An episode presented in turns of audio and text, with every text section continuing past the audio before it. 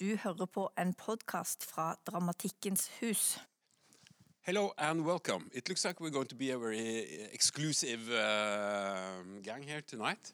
I'm very happy to uh, uh, wish you welcome to this evening, and of course to Katrin Hall, who is. Uh, suppose most of you know, but she's a director at the Gothenburg Dance Company. And um, I have to inform that we are doing this both as a podcast and as a live streaming on the Facebook and, and uh, Instagram. So, yes, welcome to Katrin. Thank you. Thank you for inviting me. Um, glad to see you. As uh, Morten said, uh, my name is Katrin Hall and I am the Artistic Director of Göteborg Soprans Dance Company since 2016. Um, when I was uh, when Morten asked me and approached me to do this uh, little lecture, I was kind of reflecting on what I should talk about. What would be the main subject? Um, and as I was doing that, um, when I found out that I had been working or in the job as an artistic director one third of my life, actually, 18 years. I felt somehow that that would come quite naturally, that I would speak about that. It's quite close to my heart, um, this job. Um, so I hope I can uh, talk about that and, and, make some, some sort of sense. Uh, but before that, of course, I was a dancer. I was, uh, I've been actually 18 years also as a dancer and a choreographer. Um, and before that, as you guys know, being dancers, uh, some of you here, um, an education way before that for many years. So it's been a long journey in the field of dance, so to speak. Um, and uh, one third of my life as an artistic director, and I'm still learning. I think you never stop to, to learn in this job. Um, and you actually learn by doing. Um, it kind of takes over your life. Um, it's a 24 7 job, like so many jobs are, and especially related to arts or being an artist. Uh, and you have to have the passion in order to survive, I feel. And um, I don't want to bore you with a list of. Uh, or the areas of responsibilities of an artistic director because I think you all know that. But the most crucial is, of course, uh, to create short term and long term vision for the company or the organization you are leading, and uh, goals and uh, aims, and uh, both for the future and for the for the short term. And then the artistic programming will reflect that vision, hopefully. Uh, selecting the artistic collaborators, the teams, the dancers, the staff, uh, all, of, all of that. Being responsible for the development of the art form. Sometimes even in, in your society, you are uh, responsible for the, for the development of the art form. Uh, you're, you're responsible for the development of the company, of the dancers and of the staff and of course having the overall work uh, environmental responsibilities like we so know so well here in the Scandinavian countries. I think uh, we are best at that, having work environmental issues and have to go according to some policies and, and rules and and uh, we have quite a, a, a, a strict structure in that sense. And to my knowledge, I don't think there's any education as such for being an artistic director of a dance company. I mean, of course, there are related uh, educations that you can have, arts management, and, and something that will benefit you crucially in, in the job. And, and some of my colleagues, of course, have such an education. But really, to specifically educate yourself being an artistic director of a contemporary dance company, I don't think there is anything like that. So, like I say, it's, it's kind of learned by doing. It's the same with rehearsal directors in our field. There is no education for rehearsal directors, so they're also kind of like learn learning by doing. Um, but you're constantly faced with new challenges. The, the field of dance is constantly evolving and developing. And, and so you also have to develop and you all have to evolve with the field of dance, with the art form that you are working within. And uh, just to give you a little bit of background of, of maybe me, um, I was a dancer, like I said before, first in Iceland Dance Company, uh, and then I uh, moved to Germany. I was a dancer in the in the German company Tanzforum in Cologne, in Germany, and I was there for nine years. And Germany, and uh, especially Cologne and Tanzforum, the company was very uh, yeah, quite important historically in, in German dance history because uh, it was the first contemporary dance company that was established in Germany. And the founders were Kurt Joss, and actually Pina Bausch was there, started her career in this company, and my previous director, Jochen Ulrich, as well. So it gave me a really solid ground, this company, somehow. Um, and when I think back at my colleagues, then um, I see many of them have become influential in the dance, in the world of dance in our field, in a way, and they are holding important position. So this was a really solid base to to start off from, and I was very inspired by. Then later on, having kind of been in the same company that Pina Bausch was creating for originally, but then seeing her work in Germany, living there two hours away or one hour or whatever it was, I saw every performance she became such an influential part of my life. Um, but parallel to my dancing career, I was also a, a choreographer and have been a choreographer. So I've, I've been uh, creating works for international dance companies. I, I worked in theater as well, and uh, I created short films, dance short films, and I even created a, a music video for the pop star Shakira did it again, which was an adventure in itself. That was actually based on uh, a short film, a, a, short film I created with uh, an Icelandic uh, film director, Reynir Lyngdal, and we created together.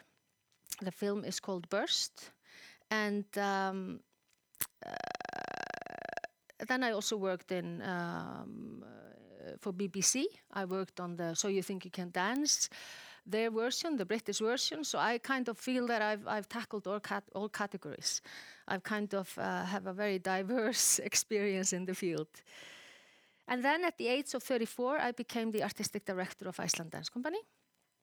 Uh, and uh, I was there for 15 years until I took over uh, Göteborgs Operans Dance Company. And I might want to share with you the reason why I took over Iceland Dance Company um, at the age of 34, when I still could could have been dancing, uh, of course. And uh, Iceland Dance Company is and was the only national was the national company of Iceland and the only professional company in in the country in a way. It had 12 till 16 dancers. I had, of course, been a dancer in the company, and then at that time, the company was tackling all categories of dance. We did a bit of, we did mostly contemporary, though. We did uh, quite experimental work. We did theatrical work. Uh, we did also some classical work. Uh, we had to do everything since it was the national company. And we did musicals and we did operas. Uh, so this was kind of uh, the, the aim and the vision at that time.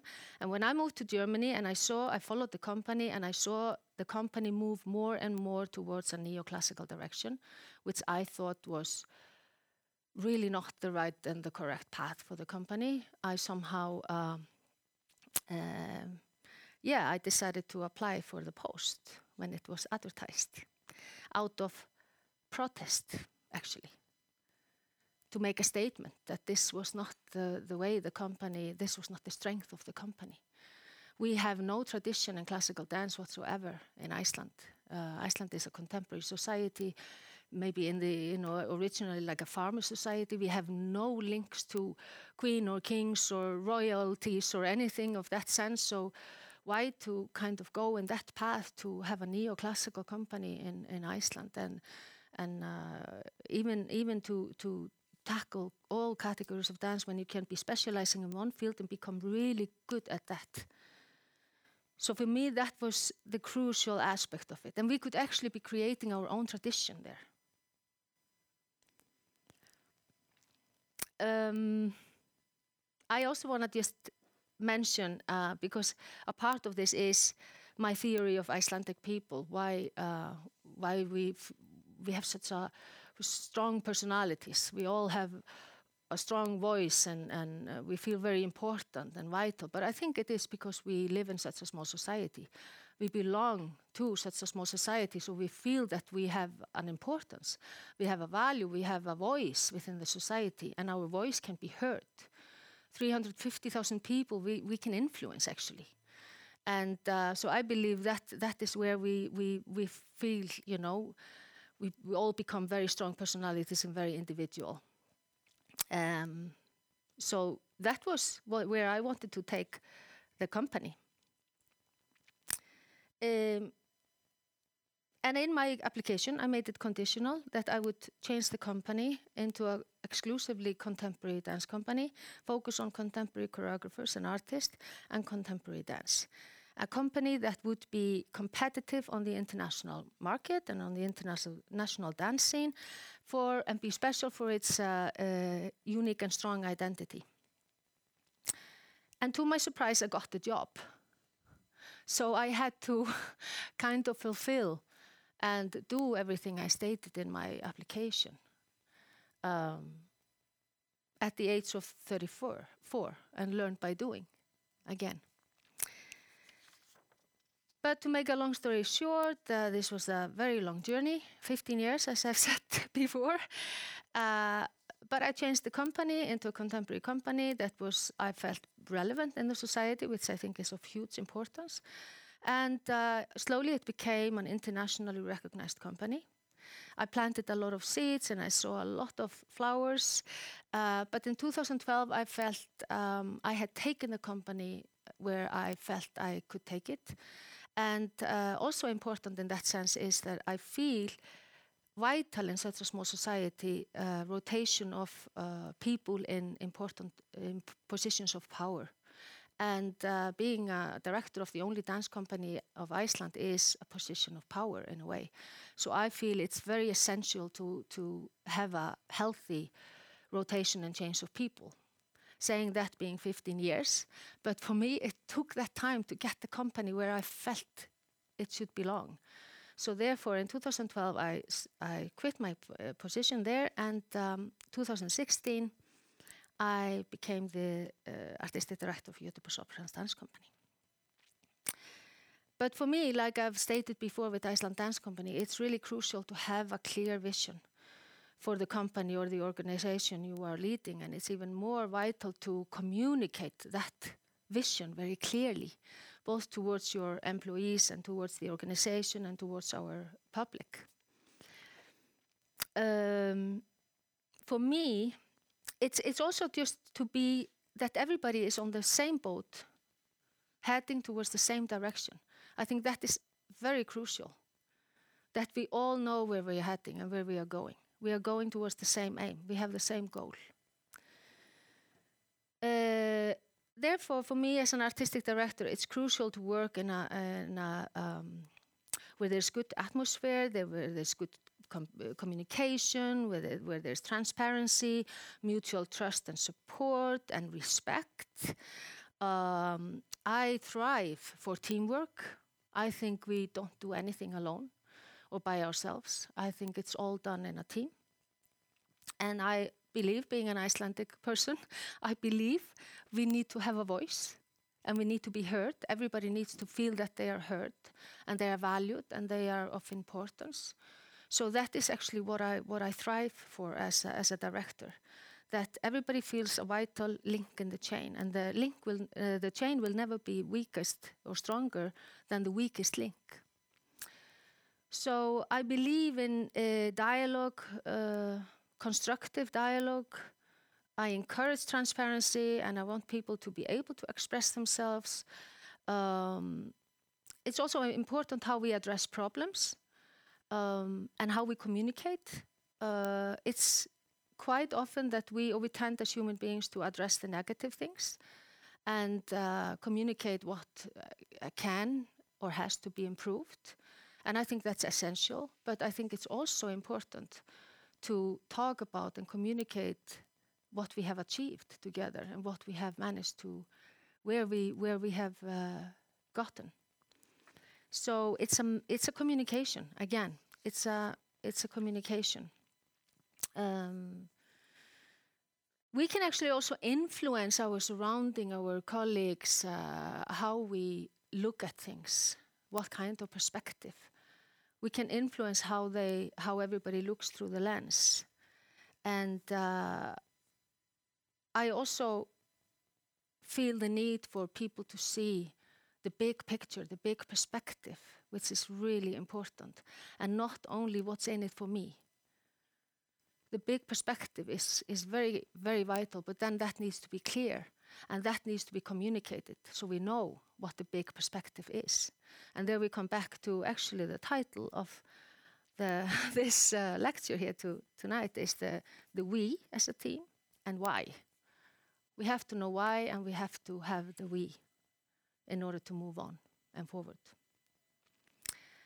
And uh, who we are, Göteborgs Opera Dance Company, maybe this gives you a little bit, if we, if we put the, the trailer of, uh, from the company on, then we see a little bit.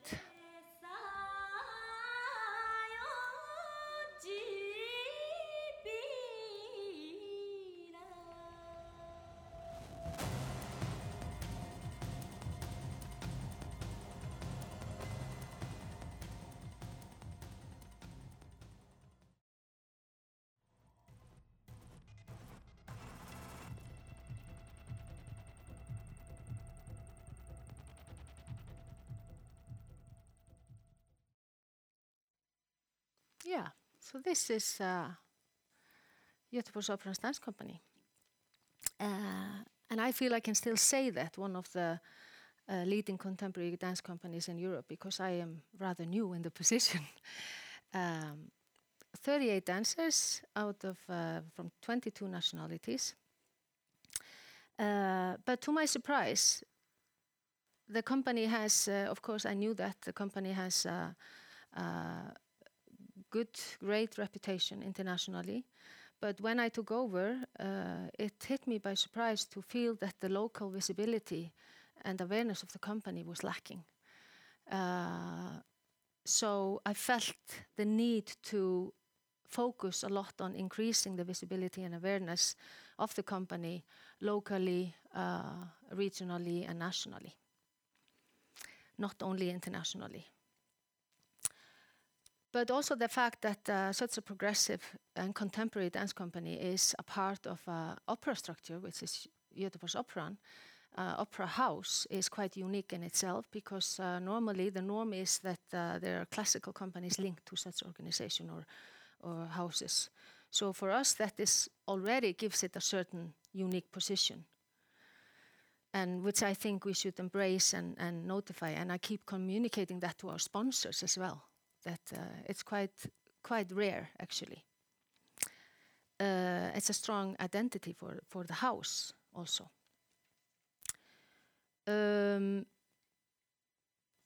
but so I had to focus on increasing the, the, the local awareness with the aim, of course, the end aim, naturally increasing our number of audiences for our performances. So I started by launching initiatives or, or activities that had not been done before. To my surprise, actually, like open rehearsals. They had never had open rehearsals in, in Gothenburg uh, Opera and Dance Company, which I was surprised. I knew that format from, from Germany, which uh, is quite common there. Uh, but there, the people could get an insight, come and see a, uh, a, rehearsal on stage and get an insight into a creative process, get a feeling for the production that was uh, being premiered, and uh, receive first-hand information from the creators, from the choreographers or artists or the artistic teams and the dancers.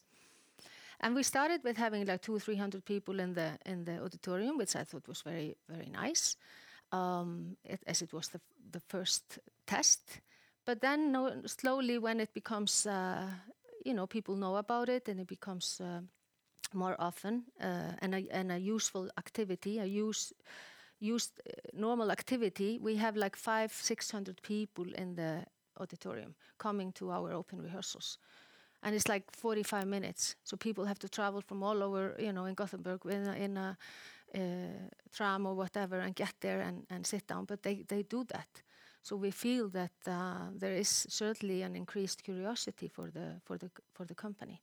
I also uh, launched like post-performance talks, where we have uh, once per production a post-performance talk, which has the same aim to get public closer to our processes and have a direct access to our artists. Um, and so we are able to share the information about our uh, particular processes or this production or the concept or uh, the working process or, or whatever whatever is related to our activity in a way. Also general just in general about dance. I also initiated physical introduction which was a new concept which i had uh, kind of heard about from a colleague of mine ingo Diehl he is a, a, professor at the University in Frankfurt of, of, Music and Dance in Frankfurt. He launched and tested this uh, concept originally, and I think it was first tested in Tansem August. Um, uh, and uh, then it was like eight people attended, and then slowly it, it got uh, more and uh, it increased the interest and then it was tested in, in uh, Tanzhaus Düsseldorf also, and it was the same procedure. Um, and this is to give the audience more understanding for the physicality of the piece that they are watching. And it's led by the dancers, it's led, it's a session led uh, before the performance. Uh, and people have to register to participate. Uh, and from the day one when we launched this, it has been sold out. So we can only take 60 people, I have to say that, but it's been full every time. So people are really hungry and curious to, to learn about our uh, about contemporary dance, about our processes, about our um, art. Uh, but it was an experiment for us, and, and so we were very happy. Uh, and just to give you a little formal uh, description of this physical uh, introduction concept because I think it's uh, it's really interesting. I, I find it very interesting. Göteborgs Operans Dance Company now offers the participatory format of physical introduction to all interested in deepening their insight into company's performances. Physical introductions are held in English due to the fact that all our dancers or most of our dancers are English speaking open for everyone. These 45 uh, minute physical explorations are a way of entering and experiencing various choreographic approaches, movement principles, and aesthetic signatures. The physical engagement of audience members allows for a different perceptual contact with the performance, inviting the participants to connect and experiment with the physical rather than just the visual perspectives various works embody.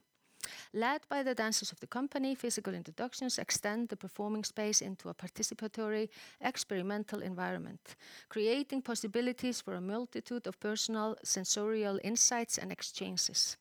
So it's an exchange with the audience, which is very well received. So this has been really, really popular for us. We also do have verbal introductions, but actually, to my surprise, the physical introductions are much more popular. They're suc more successful. But uh, I also felt that in order to increase the visibility and awareness of the company, I felt the need to push the dances forward and into focus. I actually wanted to have the dances of Göteborgs Operans Dance Company, the amazing dances, recognized out on the street in Gothenburg. Um, and to establish a closer relation between the public and the company and the dancers. Um, and to get to know the dancer, not only as a dancer, but as a human being. So they could relate to them on, on stage when they saw a performance and they could recognize them. I wanted people to look at our dancers and, and see, hey, this is uh, Arika or this is Michael, and, and they, they know what they stand for in a way. So I felt the need to do that. So we launched individual trailers for every each one of the dancers of the company. It's like little short mini documentaries in a way. So um, maybe we should look at those. I have two examples just for you to give you a little insight. We call them close up.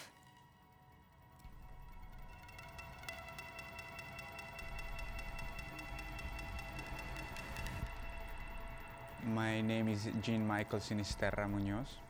But I go by Michael Munoz. I was born in Colombia, but I grew up in Italy. I've been in the company since two years and a half. When I came to audition, it was incredibly difficult. Three or four days of uh, casting, and it was uh, intense. I think I cried at some point because I felt like I was in the right place and I was with some of the most amazing dancers that I've ever seen.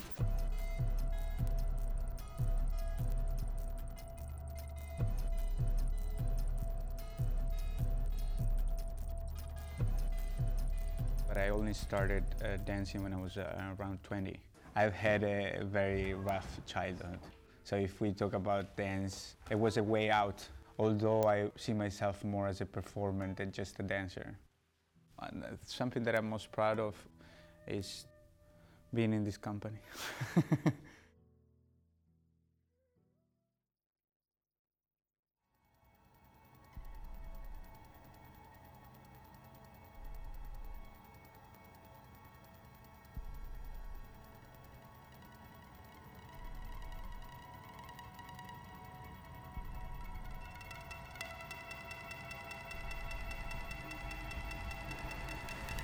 name is Arika Yamada. I'm born in Detroit, Michigan, United States, and I've been in the company for four years. Okay, Chuk, I had no idea how good it could be being surrounded by the people that I am.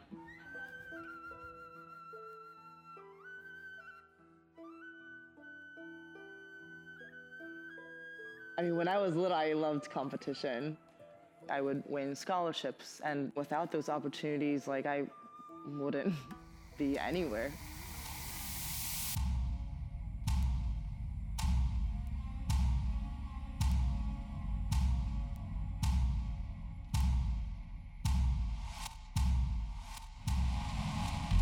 A few years before I came here, I, I kind of stopped believing or I was rerouting myself. I stopped dancing for a few years and I thought that was it. I thought I was gonna be an agent representing artists and entertainers and movie directors and writers and actors.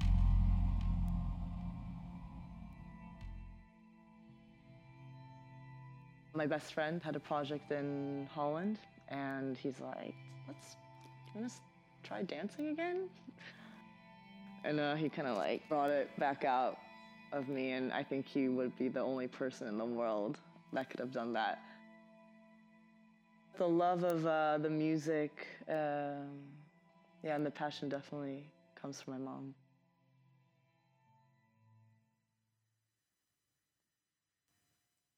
So this is an example of, of two dancers out of uh, 38 in the company, where they kind of uh, talk a little bit about their background and stories and uh, give us a little insight in their um, head and feelings and emotions, which I think uh, adds a lot.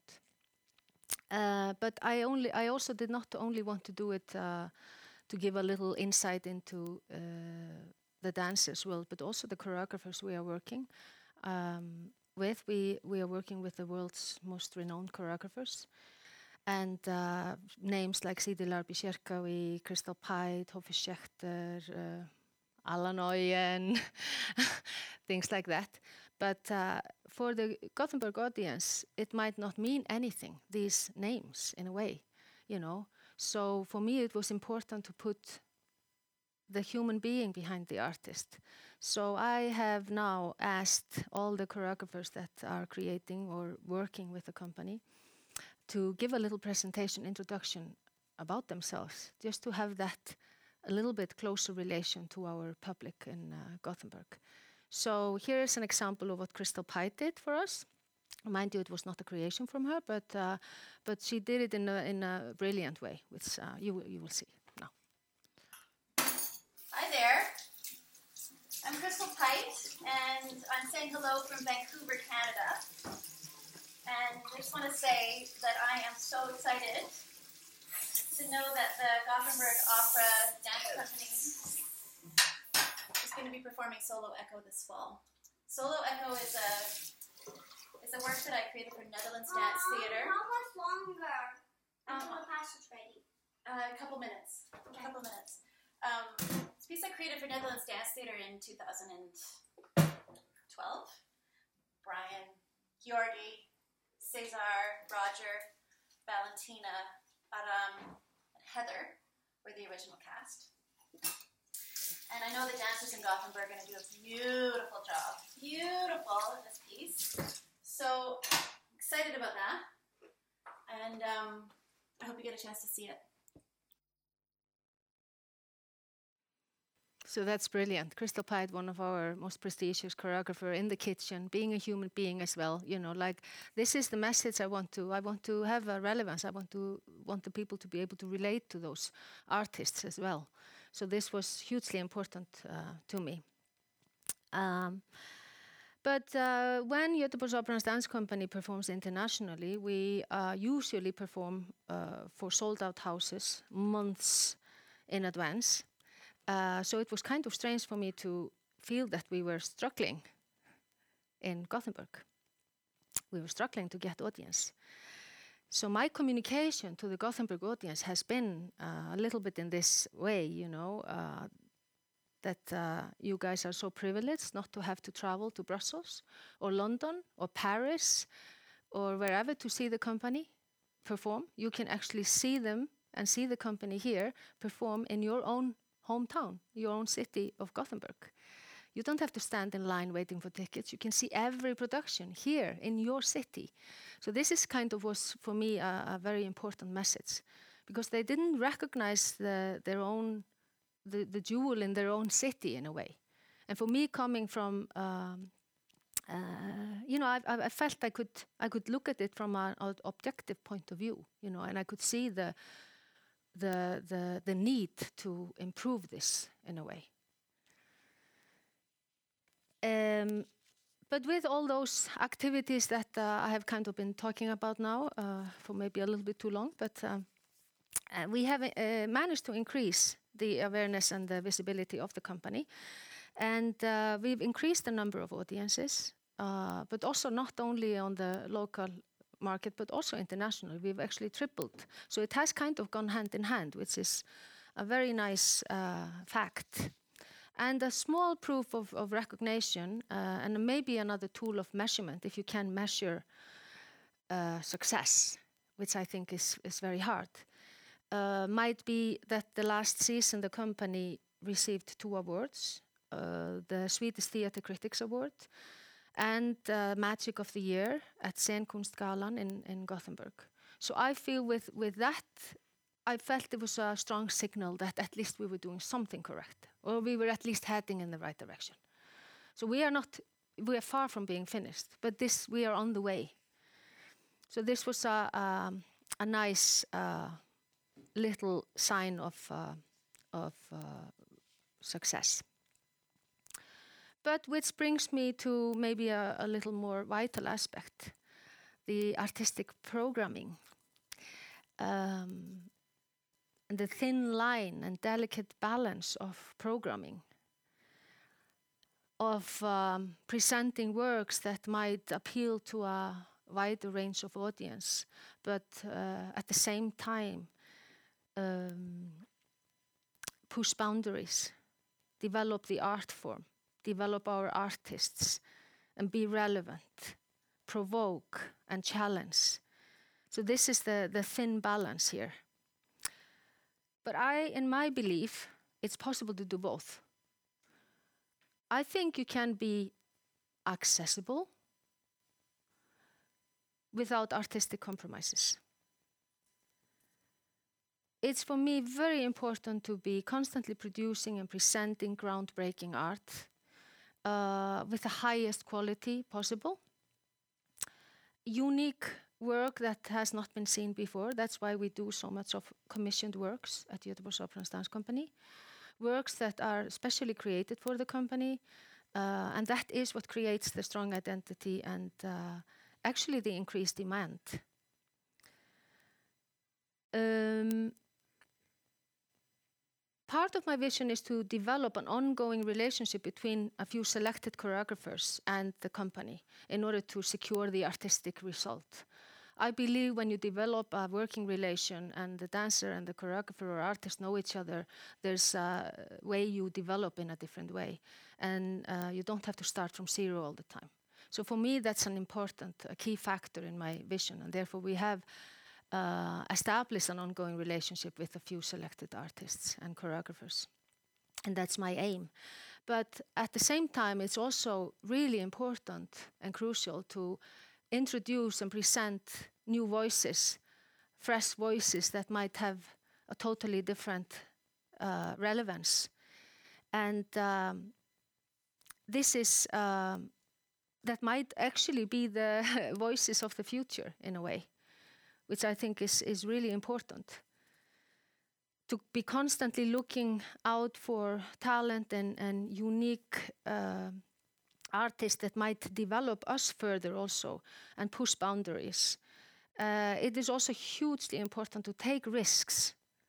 If you don't take risks, I think you, you will die in this job. For me, it's important to be unpredictable, challenge ourselves, challenge our audience, challenge our dancers and our organization. But talking about challenging the dancers, um, the dancers nowadays live in such a competitive environment, and there's so much demand on them as dancers. They constantly have to improve. They need to be multi skilled, and the need for that is increasing.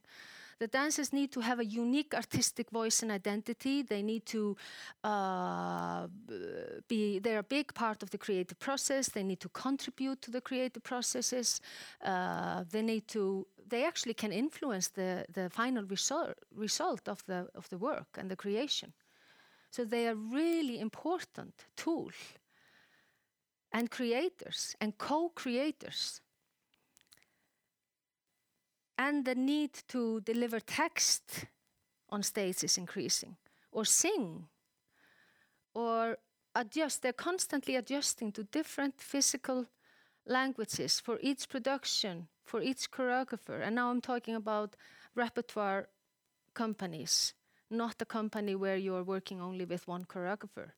That's, of course, a different story. But therefore, it's really important to nurture their skills and talent. And how do we do that? How do we nurture these talents? They're so diverse, they're so different, they have so different needs. But I think it's really important to take, uh, that's a key factor also in my vision. How do we nurture our talents? How do we still encourage them to be creative? And how do we nurture that talent? So I have tried to um, create platforms for their creat creative talents so that they can sort of um, develop that further.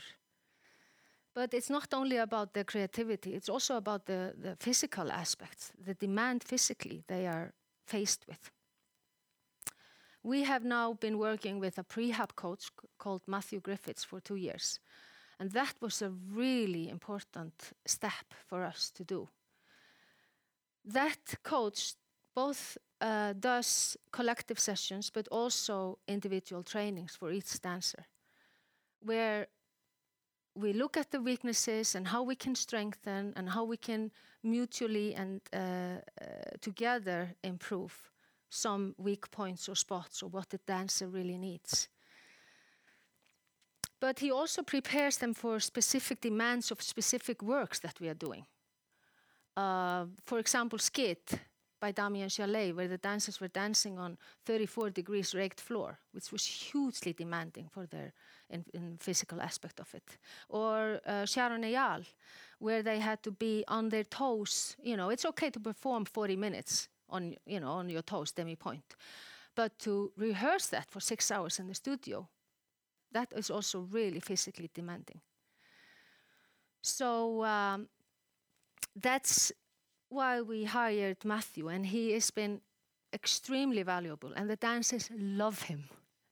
So we are really proud of that. I just want to show you a little ex excerpt of skit so you know what we are talking about here 34 degrees raked floor.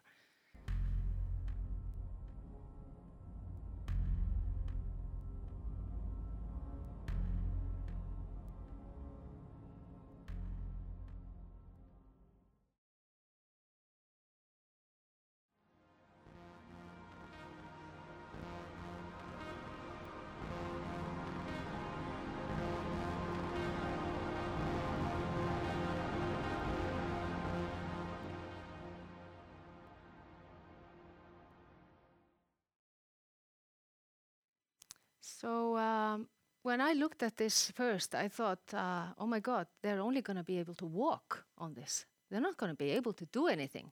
But then eventually they created like an alphabet on this uh, raked floor, and slowly they they challenged themselves and went further. And uh, but it was a matter of trust. You had to trust it. You had to really uh, be courageous in a way. So there's a lot a lot of demand on on on the dances.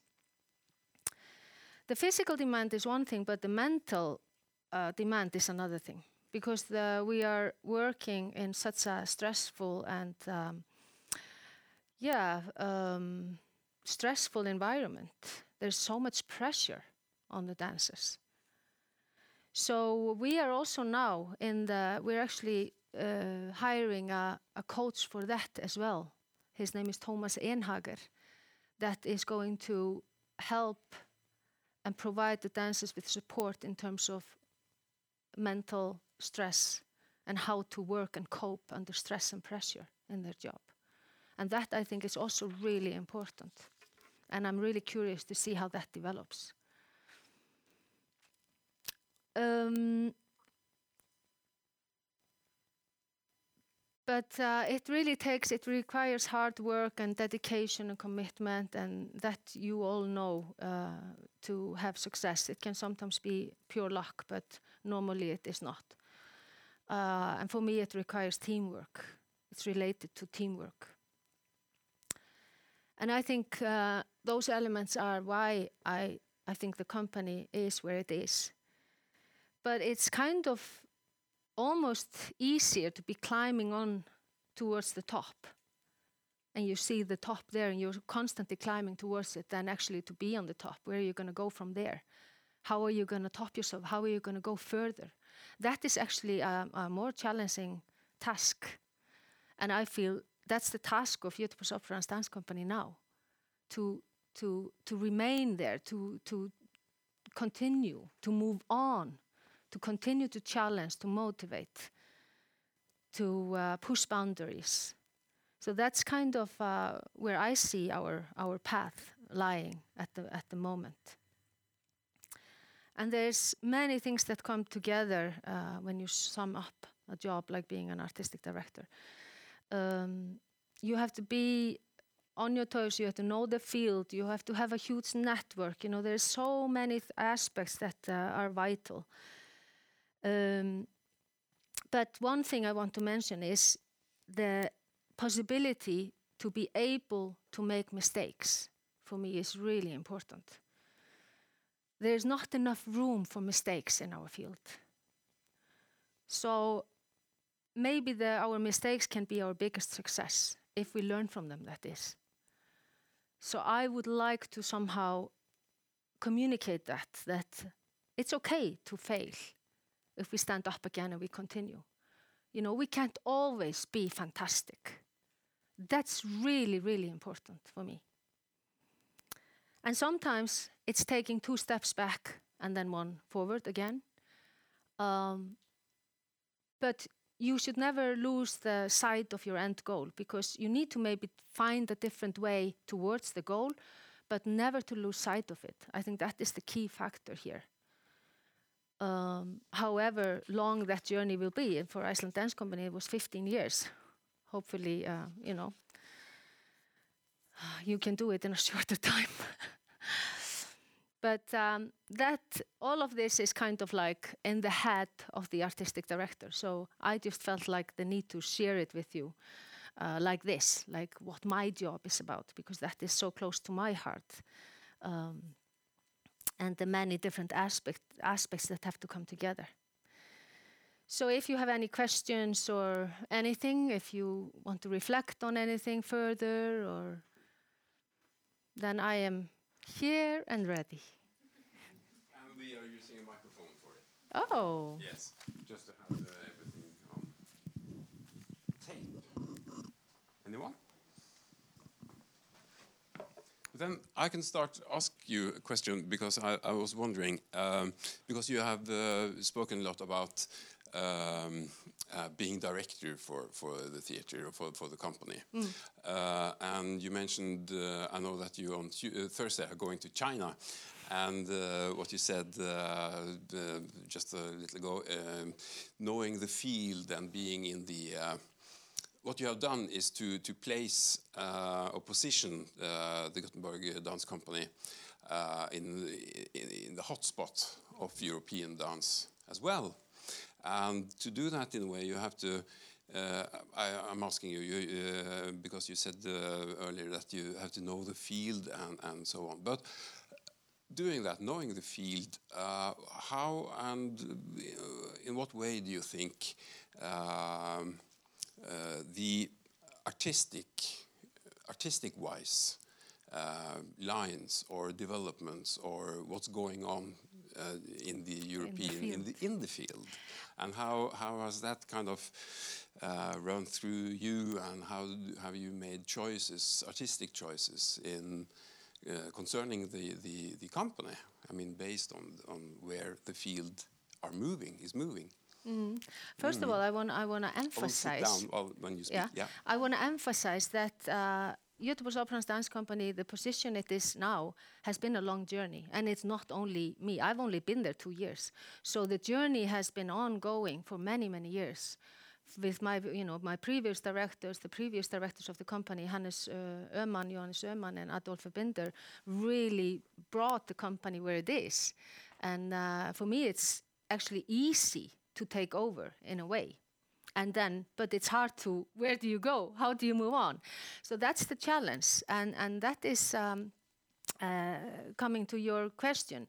This is this is very interesting uh, an interesting subject of where contemporary dance is heading. Um, because i think it's in many many many different directions and what I feel the essence, for example, if we just take Skid, for an example, which was a piece that uh, was created for us uh, under very many restrictions. So sometimes the artistic intelligence or um, the innovation comes through restrictions. And that is uh, a little funny story about that because we wanted to, um, I needed to present uh, creation before our production of Icon, which is by Sidi Larbi Cherkaoui, where we have 3.5 tons of clay on stage. And we couldn't use the revolt on our revival to, to, to drive the clay onto stage. We had to lay the clay already there. So the piece that was before Icon only had 10 meters in front of it on our stage. So I communicated that to Damien and I was like, what can we do? We only have 10 meters. Can we do something? And that was a communication and, and a dialogue. And then he came up with this brilliant, we tilt the floor. We, we use the space as it is. We use our limitations. So this is very interesting because that is sometimes the way towards something because we are so used to get everything. And in this organization, Göteborgs Operans Dance, Dance Company, and in Göteborgs Operans, there's so many possibilities. It's so fantastic, it's such a fantastic house. It can really uh, bring so many things. But then sometimes it's about the limitations, the restrictions. And these were, this piece was made under those restrictions, for example. So it's many different pathways there. Hi. Hi. Uh, thanks for walking us through your artistic process. Um, I was wondering, since you said that you've kind of opened up for the audience to to to see what you're doing, your re- rehearsals, and and also participating in some Yes. in some ways physically. Uh, could you say something about how that has influenced or affected your um, internal artistic process? How how does that generate feedback to you, and how do you use that feedback? It's uh, it's been very valuable actually, and it's also been uh, good for the dancers. It's extremely healthy for the dancers to hear positive feedback or get feedback from what you do, direct feedback. You know, either in an open rehearsal or in a post-performance talk. So this dialogue with the audience is hugely important and really valuable for us, and we use it.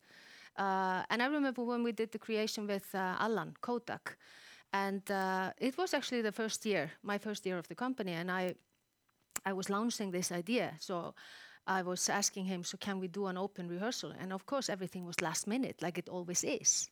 We always need one more week or two more weeks, you know, on stage. And this normally happens kind of like two weeks before or one and a half or something. Um, and we're taking valuable time off from technical work on stage. And Alan was ready. He is so generous and, and, and warm. And he actually used that open rehearsal to test out one scene that he had. How does that communicate to you? Do you understand it? So he kind of had a dialogue with the audience and he used it for his uh, benefit, for the production. So it can be used in, in, in very many different ways. And I try to do it in a way different every time so that now we created the tra tradition to have an open rehearsal so people know they come, they sit in. Uh, I try and, and do it different every time. So sometimes we're already doing things. So it's black auditorium, people have to sneak in and they're kind of like, they, is, is they're like fly on the wall you know and sometimes we welcome them with something a different kind you know. So i think you also have to kind of surprise your audience and bring them with you on the on the journey that they are motivated to to want and eager to to learn more and to see more. So this the whole thing has of course influenced really a lot of our activity. And the dancers as much as sometimes it is hard for them to talk you know about their pieces or about their work. And some choreographers really don't like to talk about their work.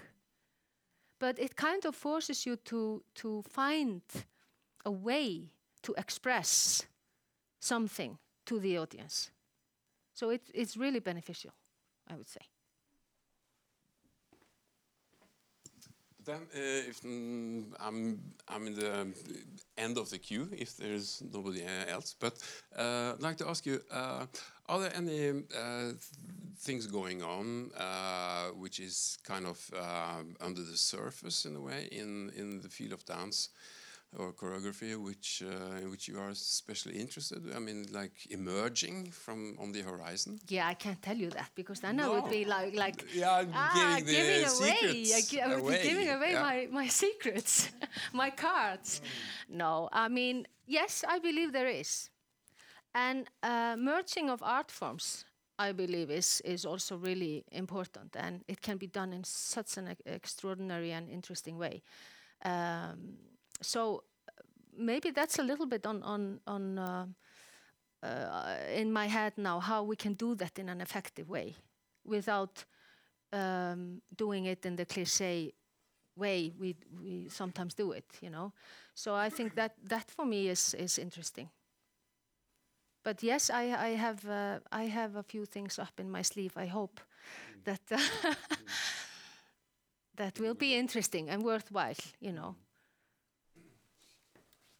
it's also interesting for the dancers to to be pushed to to do something different that they would do. they I don't think any of them were like thought they could deal with this Skid thing you know but they did so I was saying to them you know it's so great you know because it was a really challenging process I can tell you that uh, but when you walk up the mountain, you know, it's hard the way up, but when you stand there and you look at the view and you go downhill and you look back and you see what you achieved, it's really a good feeling. And they really learn so much. They learn so much about themselves, about their limitations, or no limitations, actually, you know. It's about trust. It's really about trust, this piece. You have to trust your colleague. He's going to grab your hand, otherwise, you are fucked. You're gone with a speed of like 30 kilometers. Uh, thanks for the, the, the presentation. Uh, I really love the dance theater. I, have seen a couple of things that's been in the Dansens Hus in Oslo. Mm. And uh, I really love the energy and also the feels like you're coming to something new every time. But uh, my question is um, regarding to the music, the composers and mm. musicians, mm. and be up to date and really do the challenging things in mm. music as part of the dance uh, mm. world. I mean, can you tell something about what, what how yes. you're working with that? I can talk about music because music has been such a big element in in. Uh, in uh, throughout my uh, directorship, I've always combined music. I feel it's such an important um, part of a creation, the music aspect of it. So when I was uh, the director in Iceland, I worked and collaborated with a lot of beautiful composers and, and music artists. And uh, the music scene in Iceland is, of course, quite vibrant and, and quite interesting. So there was a lot to take from, you know. Um, so I, music has is a big factor for me. And I will take an example. Now, for example, because we're talking about being unpredict- unpredictable and doing new things, I wanted to launch our own festival and I wanted, I didn't want because it, we, we've been walking in footprints. You know, we're always walking in footsteps, and I wanted to make new footprints.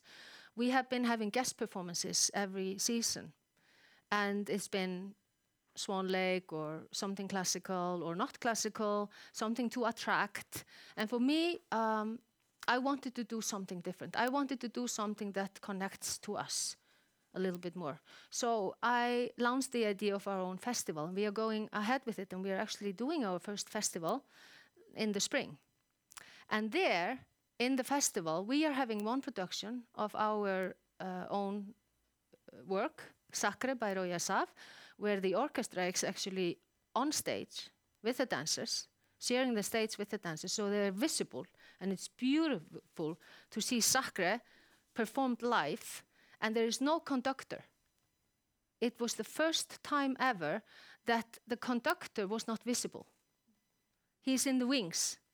They are seeing the conductor on screen or like screens, and and uh, so it's incredible. This has never been done before.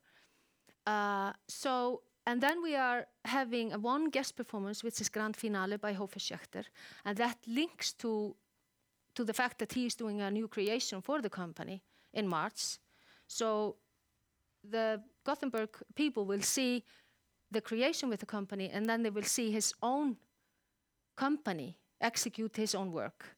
So they, they will see both. So there's a link. And then we will bring in a concert.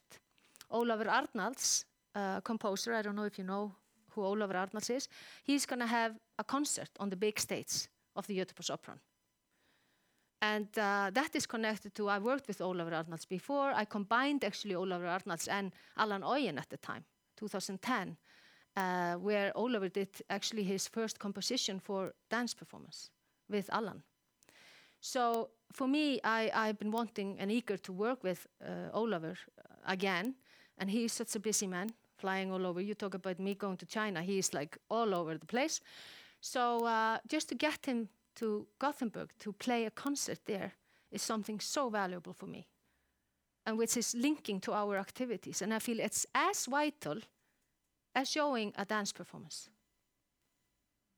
for me. I was thinking about uh, what you said about being self taught or learning by doing, um, which is something I, I feel that most artistic directors do and there are uh, educations that are kind of more practice based in the, in an administrative way. Yeah. But there are no real like um, good or there are no educations that also tackle the artistic choices and the curatorial aspects, um, which I think are more and more vital because of the field expanding and there's so much happening. Mm. and you really kind of need a, a, broad network and you have to have seen a lot and to to curate in a good way. Uh, so i was just wondering like how you see the development and uh, fostering of artistic directors for the future. Yeah very good question um, it's it's actually uh, that's why I've, I felt the need to, to talk about that because I mean yes there is education in terms of like you say more the management uh, work of, of the job. Um, but that aspect the art the artistic essence of it is is not something that you can actually learn I don't think. You can't be taught how to curate. Do you know what I mean? It's really hard. Um, you can have some techniques or something like when you when you become a choreographer. You can learn that but it's actually the ta the talent or the the skills. For me it's it's so much about um, trusting your instinct in a way. Trusting what is there, being able, taking risks, being able to be consequent to yourself and believe in what that, you know, and not following everything else. Uh, of course, there's a trend, and we are working with the choreographers, and I'm, we are working with the choreographers that are kind of trendy in the field. But it's also important to to take the risk of, of how, how is a choreographer going to develop if that choreographer never gets the chance, the platform. So therefore, I'm also really curious and, and eager to create platforms for those creative skills inside the, the, the company. So I've done uh, a, a, a, collaboration 3D national, it's called, where we collaborated with Royal Swedish and Skånes, and it was a national collaboration, and uh, our company, where we selected one one dancer choreographer from the, within the company, and that choreographer went to the other company and created works, and then we presented those works, the three pieces, in each city. Now I'm doing it with uh, internationally, so we are launching that next season. Um, we are preparing it this season. Uh, so we are working with Tanz Mainz and, and Scapino, and we are doing exactly the same. Because for me, for the choreographer to step up and not to work with his colleagues, which is so often the case in this, but he actually can work with professional company. So it's a really it's a step up. The same thing I would love to be able to do for artistic directors, but I just haven't invented that uh, format. but um, but yeah, but it's an interesting it's an interesting question, and that's why I kind of like emphasize so much this learn learn by doing. And I mean, I've been so many years in the field, and I still feel I'm I'm making mistakes, and I'm not doing it over again, and I'm doubting, and you know, there's all of this was also involved a lot. You know, and it's a very, you know, you have to be so cons consequent and cons consistent because there's so much criticism out there as well. Uh, so I mean, yeah, it's uh, it's about being able to be vulnerable. I think also, you know, to uh, embrace the vulnerability of it and and to be vulnerable. I think also for dancers, it's so important to be vulnerable and to be a little bit humble towards what uh, your tasks or your given things. And um, so I, I think uh, there there is, you know, it's a good question, and I encourage you to kind of like uh, th think about it, to come up with a brilliant idea and be very rich then, because you're going to hit the, a needed factor in our society. But I feel there's a, a, a, trend out there in a way of um, there are a few influencer people, like especially in, in, in programming, in curating, and now I'm more talking festivals than than uh, companies.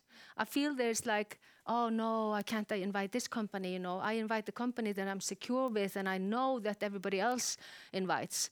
Who is Impulse Tans? Who is Tans som August inviting? Who is the, you know, the important, who's Atlas Wells bringing, you know? Then I can bring that. You have to get a guarantee from somewhere else. Mm. And this is what I want to avoid, you know. Not to get the guarantee from somewhere else, but trust yourself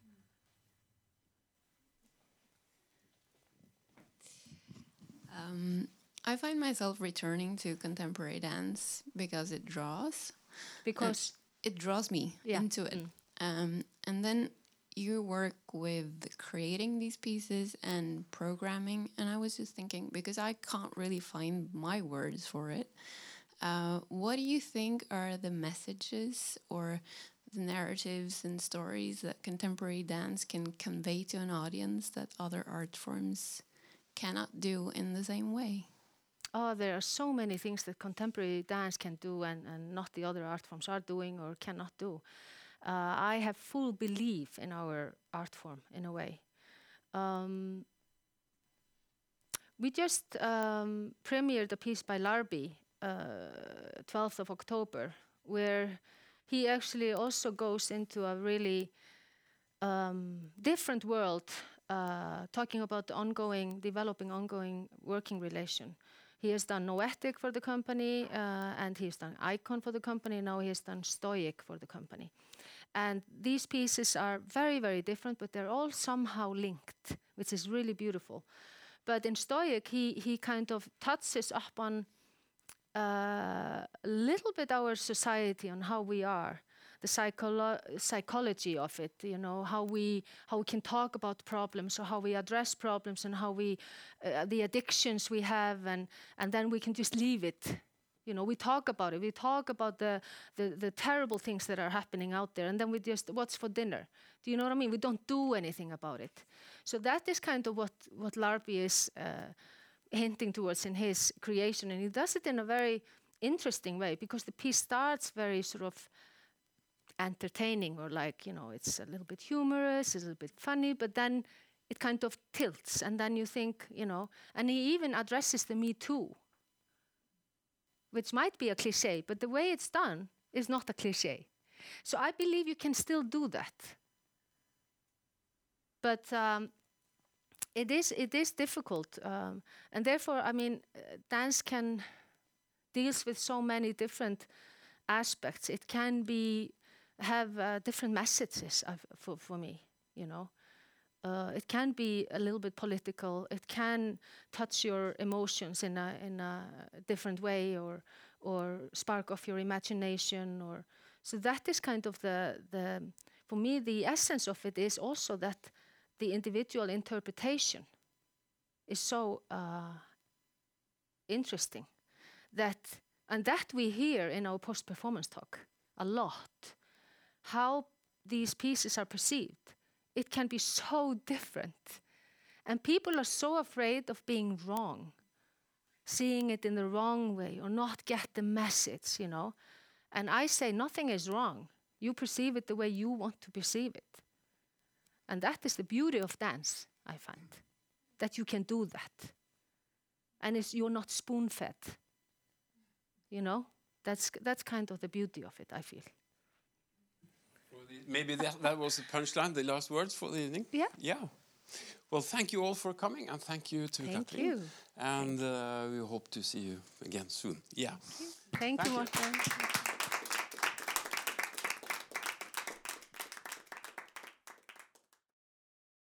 Vil du høre flere foredrag? Se våre nettsider og kom til Dramatikkens hus annenhver tirsdag klokken 19.30.